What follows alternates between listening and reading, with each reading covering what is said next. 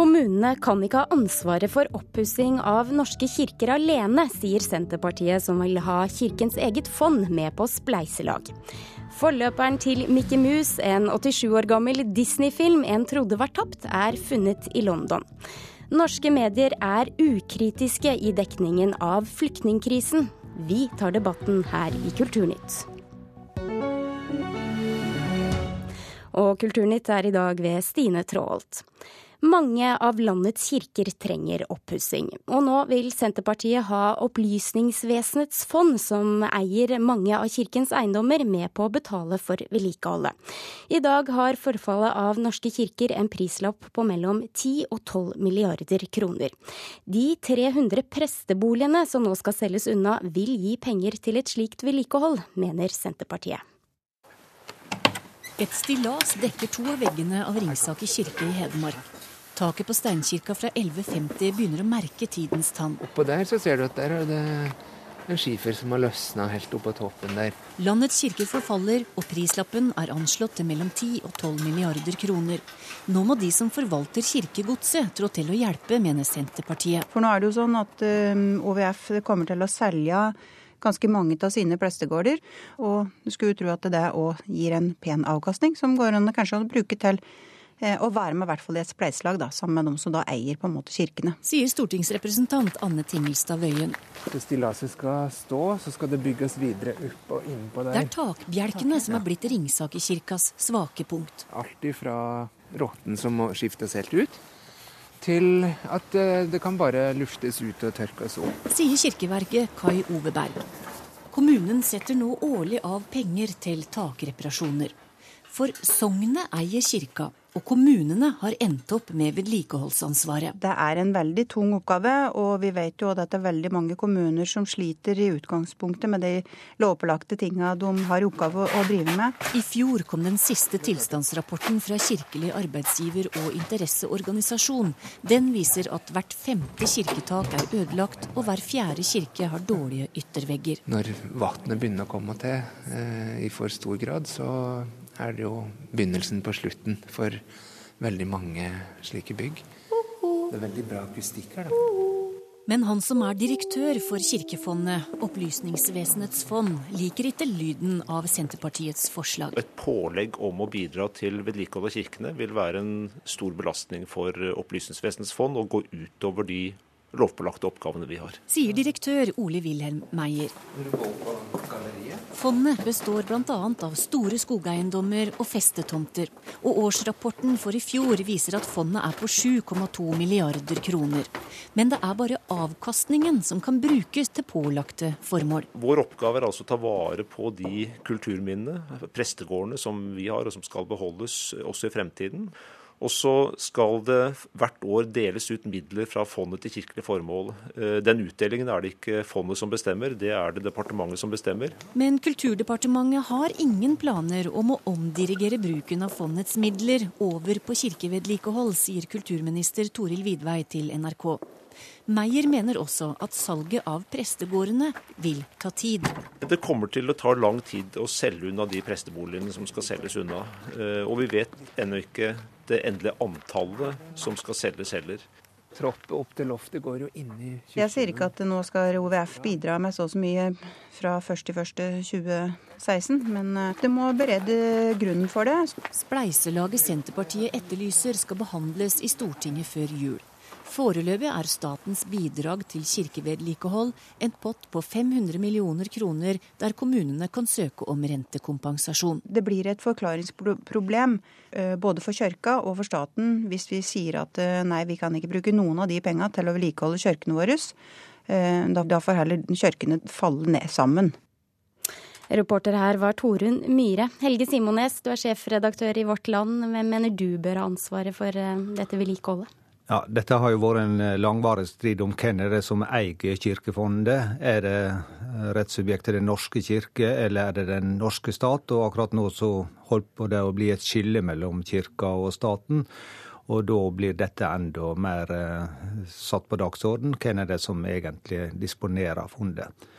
Det er nok veldig mange politikere som har tenkt, når de hører ordet 7 milliarder kroner i, på, på fondet, at dette kan være ei sareptas krukke, for å bruke et bibelsk uttrykk, som, kan, som en kan bare plukke ifra. Sånn er det ikke, fordi at Opplysningsvesenets fond, altså Kirkefondet, har veldig mange oppgaver som de skal dekke. Og avkastninga er ikke veldig høy på dette fondet. Så hvis han tenker at du har en årlig avkastning på 4% så er jo det bare 280 millioner som er til eh, disposisjon for driftsmidler. Og da er det mye andre ting enn kirkevedlikehold som ligger i dette. Ja, og blir det da kommunenes ansvar? Ja, det gjenstår å se. Eh, jeg tror at dette med kirkebygg kan bli en ganske problematisk sak eh, i forholdet mellom kirke og kommune og stat. Fordi at det vil gradvis bli et sterkere skille mellom eh, kirke og stat og kommune. Og da er det også mange politikere som vil begynne å stille spørsmål hvorfor skal vi ha oppdraget med å vedlikeholde. Men, og hva eh, med andre trossamfunn, eh, hvis eh, kommune og stat har dette ja, ansvaret? Men det, det, er jo, det, er jo, det som er det spesielle i dette her, at det er så Den norske kirke er til de grader i særstilling, og det gjør jo at det blir enda mer komplisert ut fra et religionsfrihetsperspektiv. Men jeg tror veldig mange vanlige norske borgere har en nærhet og en, en kjærlighet til det lokale kirkebygget. Og jeg tror ikke at den strategien som Senterpartiet her la opp til, så får vi bare la kirkene forfalle. Jeg er ikke sikker på om at det er det politisk eh, enighet om. Langt derifra. Jeg tror nok mange ville reagere hvis at eh, malinga flakker for mye og at, eh, at regnet går gjennom taket. Så vil det nok kreve at kommunene tar ansvar. Og hva tror du skjer nå? Fordi at kirkene trenger midler for vedlikehold, det er ganske åpenbart. Ja, dette tror jeg ikke jeg kommer til, for å bruke ditt uttrykk, skjer nå. Jeg tror at det, det ligger ikke an til noen store bevilgninger, økte bevilgninger dette året. Eh, fordi at eh, staten Norge har rikelig nok med å bruke penger på, og da tror jeg at det skal komme ekstra penger til eh, vedlikehold av kirkebygg akkurat nå, tror jeg blir veldig vanskelig. Takk skal du ha, Helge Simones, og du blir med oss litt senere i sendingen for å debattere norske mediers eh, dekning av flyktningkrisen. The snow glows white on the mountain tonight, not a footprint to be seen. A kingdom of isolation, and it looks like I'm the queen. Dette er musikken til en svært populær Disney-film, nemlig Frozen, eller Frost som den heter på norsk. Og det er i ganske stor kontrast fra de første Walt Disney-tegnefilmene som han laget på starten av 1920-tallet, for det var nemlig stumfilmer som alle bare varte til sammen i 67 minutter. Og flere av disse filmene er det ingen som vet hvor befinner seg i dag. Men nå har en av dem dukket opp igjen. Kulturreporter Petter Sommer, hva slags film har nå dukket opp?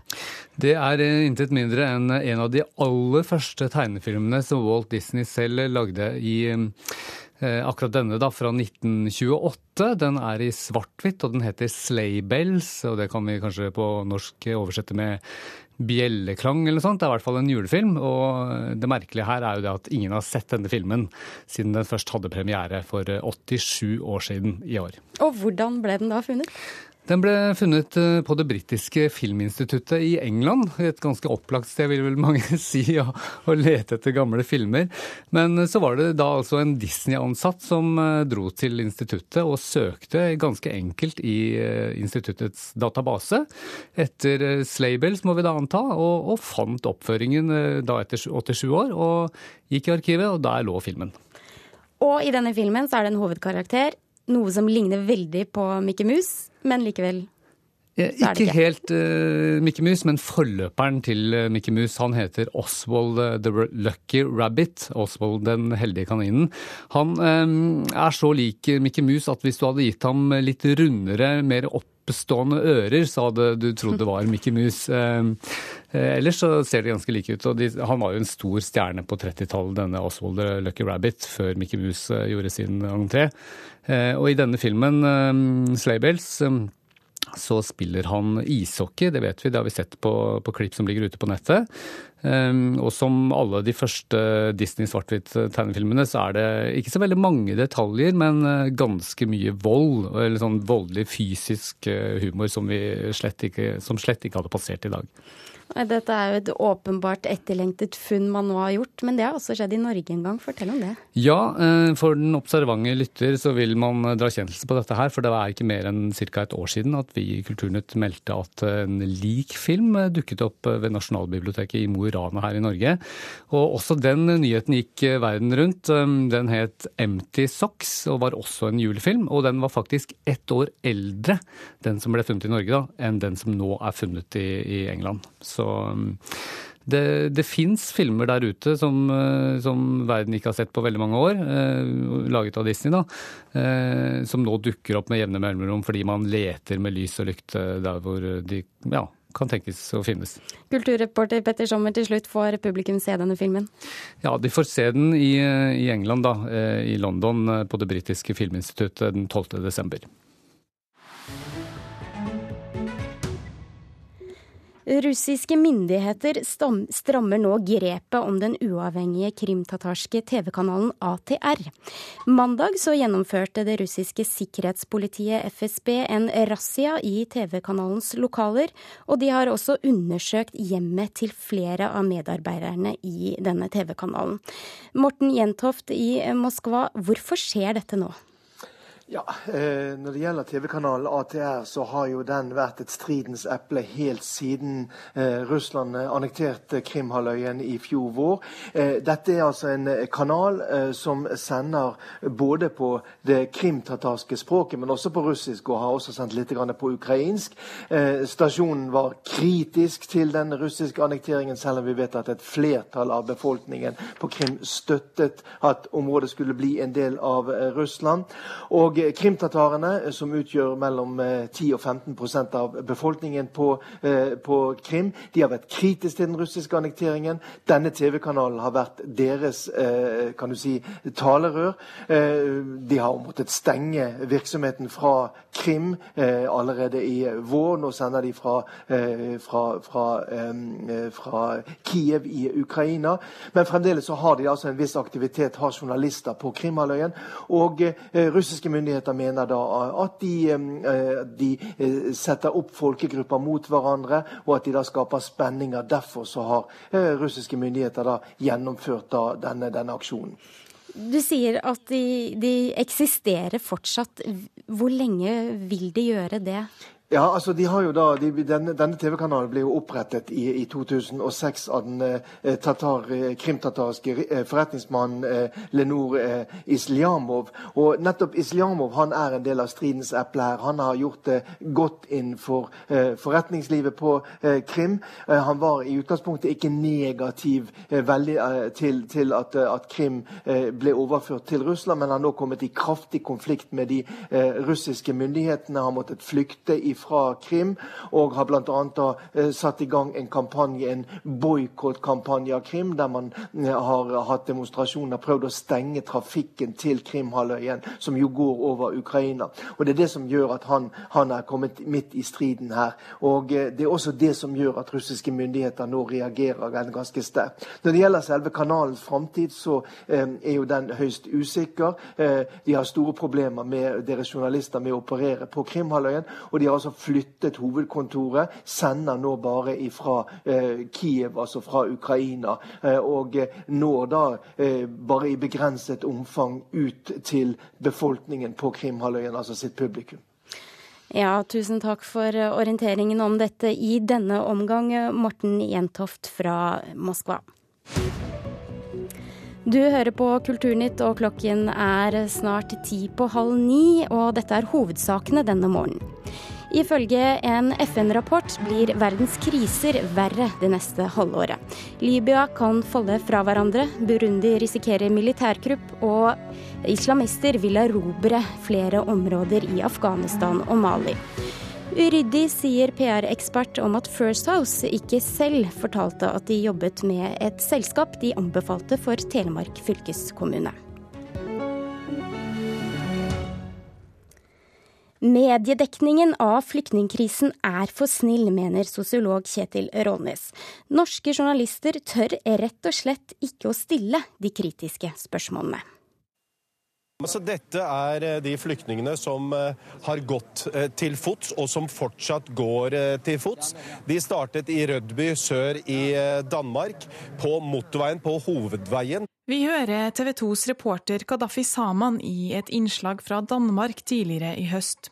Dette er noe av det vi har fått høre i løpet av det som har vært den største flyktningkrisa siden andre verdenskrig. Media har opptrådt for snilt, mener sosiolog Kjetil Rollnes. I et innlegg på Norsk redaktørforenings høstmøte tidligere denne uka sa Rollnes at media er for snille mot flyktningene, og at de verken vil, tør eller kan dekke feltet kritisk nok. Og de som roper høyt om kritikken, blir kalt rasister. Sylvi og Toril har vært på butikken og fylt bilen med forbruksvarer. Det kan være vanskelig å skaffe seg når man er på flukt. Så har jeg kjøpt alt fra nyfødt og opp til extra large. Kjøpt masse, masse tepper. Strømmen av folk som ønsker å hjelpe, øker jevnt. Jeg syns jo vi bør det. Mm. Sånne bilder som har vært i media de siste dagene, det går rett i hjertet, altså. Gjør det. Så da føler jeg jeg må bidra med det jeg kan. Ja, Til slutt her så hørte vi en sak fra NRK Trøndelag i september, og reporter i innslaget var Runa Rød. Helge Øgrim, redaktør i fagbladet Journalisten. Er du enig i at norske medier er for lite kritiske i sin dekning av flyktningkrisen? Ja, jeg synes det, men mitt mine inntrykk er jo på en måte basert på enkelteksempler. Uh, det har vært forsket litt på dette omsider også. Uh, Kjersti Torbjørnsrud og Trine Figenschou og Audun Beyer ved Institutt for medier og kommunikasjon leverte en sammenligning for et års tid siden til en ganske grundig studie av dekningen i norske, amerikanske og franske medier, som konkluderte med, for å si det veldig banalt, at eh, de norske mediene var de snilleste, baserte seg mest på enkeltfortellinger, ofte menneskelig rørende enkeltfortellinger, så lite på systemene og så lite på problemene. Og vi har med oss sjefredaktør i Vårt Land, Helge Simones her. Hva syns du om dekningen avisa hans eh, har gjort i denne saken? Ja, jeg har, må tilstå at jeg har ikke fulgt Vårt Land spesielt tett når det gjelder eh, Eh, innvandring, flyktninger, eh, asylsøkere osv. Så, videre. så det kan jeg egentlig ikke gi noe godt svar på.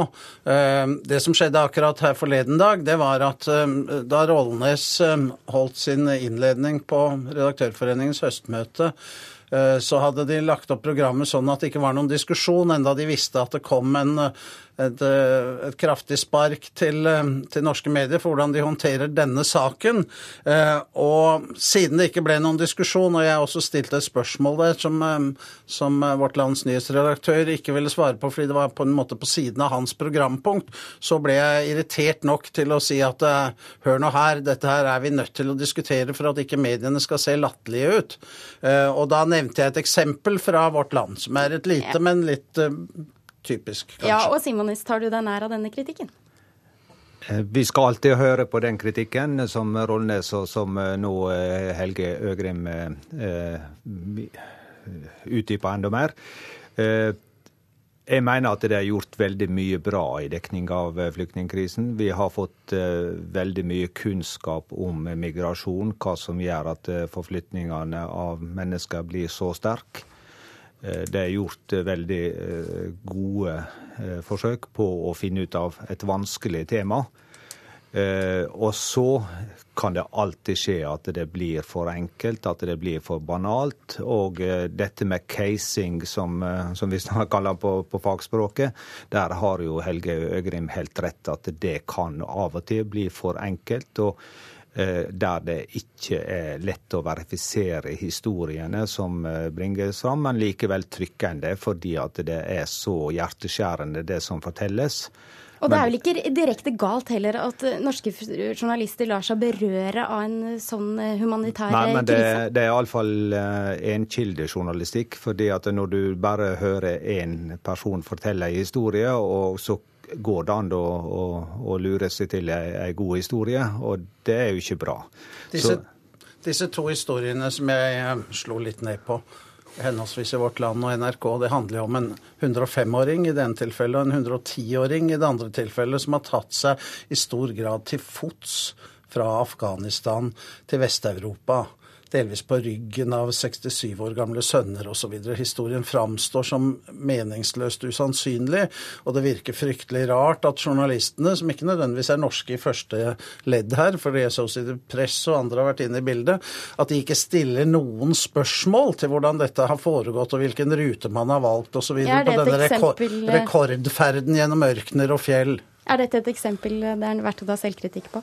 Ja, jeg skal ikke forsvare eh, alt som vi gjør. Det er ikke det som er grunnen til jeg står her. Jeg ønsker å videreformidle at vi ønsker også å være kritiske på, på det området som er eh, blitt veldig politisk korrekt akkurat nå. Og da er det ekstra viktig å være kritisk og ha en, også åpne for det som er er litt uh, vanskelig å kunne skrive om. Men hva må uh, norske medier gjøre, Øgrim? De må være mer analytiske, de må være mer kritiske, de må se mer på større sammenhenger.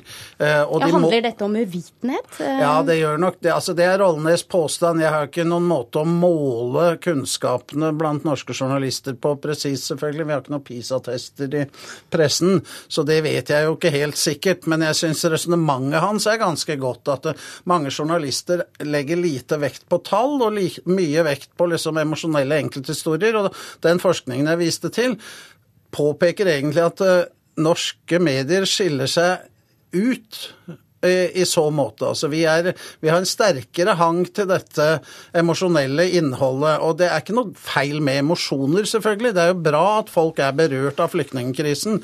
Men det er ikke bra at mediene nokså entydig tegner et bilde som man må vite ikke er helt sant, fordi det kan gi en rekyl. Det gir selvfølgelig en rekyl mot mediene.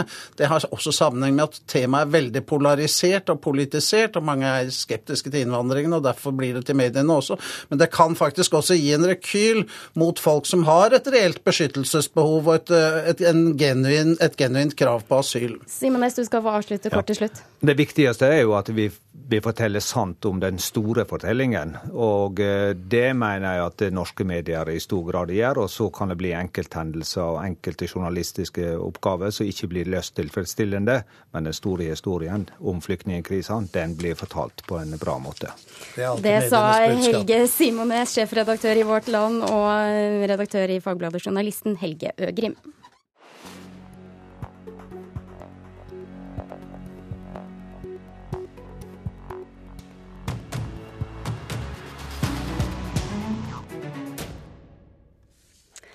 Den tyrkiske kunstneren Sukran Moral lever skjult, på skjult adresse og med drapstrusler. Hun tar opp temaer som barnebruder, vold mot kvinner, omskjæring og homofobi. Og dette stilles nå ut på Museet Kode i Bergen. Kunstkritiker Mona Pala Bjerke, det er åpenbart sterk eh, kost dette, men hvordan vil du plassere denne kunstneren på samtidskunstneres eh, perspektiv i dag. Ja, Hun har gjennom de siste par tiår etablert seg som en veldig sentral stemme på den internasjonale kunstscenen. Som en opprørsstemme. Hun går til frontalangrep på det patriarkalske tyrkiske samfunnet. Fortell litt om denne utstillingen eh, med temaer da som eh, barnebruder og omskjæring og homofobi. Ja, her er det masse forskjellige virkelig brennbare temaer. Hun går ganske direkte til verks. Eh, særlig er hun opptatt av dette med tvangsekteskap. Frihetsberøvelse er i det hele tatt et stikkord. Vi ser f.eks. en liten voksdukke i en installasjon da, av en liten pike kledd i en blodig brudekjole. Og foran henne ligger da et, også en blodig madrass formet som Tyrkia-kartet. Så dette er en sånn eh, veldig direkte tematisering av noe som vi kanskje tar inn litt sånn halvbevisst. Vi tar det ikke ordentlig innover oss, men når vi ser dette barnet, det litt sånn tomme blikket, så blir man virkelig bevisst på hva det er det handler om her.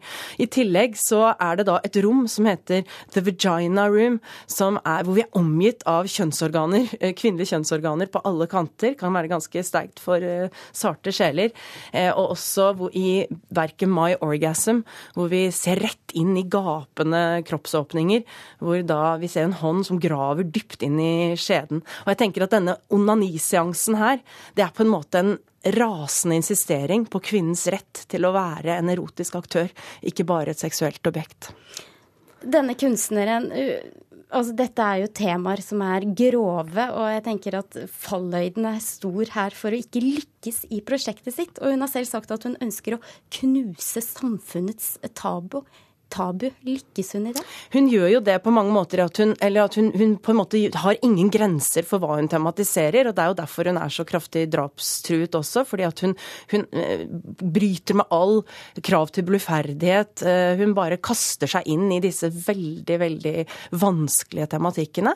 Og det, jeg syns hun lykkes med det. Selv om hun går veldig direkte til verk, så blir man slått av styrken i dette prosjektet. Og oppi alt så finnes det faktisk også eh, Edvard Munch ja. inni dette. Hvordan har det kommet inn? Nei, Mens hun var da i februar i Bergen for å forberede seg til utstillingen, så var hun på Rasmus Meyers samling og så den store Munch-samlingen der, og ble veldig grepet. Hun lagde da et verk i relasjon til Munchs sjalusi, og det heter da Utroskap, og viser et blødende skjelett med hijab, eh, som tematiserer dette med at en kvinne som er utro da ut fra, ut fra sharia sharialoven fortjener å steines til døde. Og dette er jo da også i relasjon sånn stilmessig til Munch. Det er et veldig Munchsk uttrykk, og hun forsøker, sier hun selv, å vise liksom sin egen smerte like akutt i uttrykket som Munch klarer. Det stilles ut da i Bergen på Kode. Syns du det er verdt eh, å ta turen? Helt absolutt. Altså, dette er jo en veldig sterk utstilling. Mye sterkere enn jeg var forberedt på. Jeg hadde liksom gåsehud på hele kroppen og klump i halsen der inne. Og det var virkelig sånn Jeg var helt uh, trollbundet av disse sterke, eh, politisk flammende prosjektene til Sukran Moral. Takk skal du ha, kunstkritiker her i NRK, Mola Pale Bjerke. Eh, Kulturnytt eh, er over, men Nyhetsmorgen fortsetter nå i NRK Alltid nyheter og i P2. Ansvarlig i dag var Ugo Farmariello.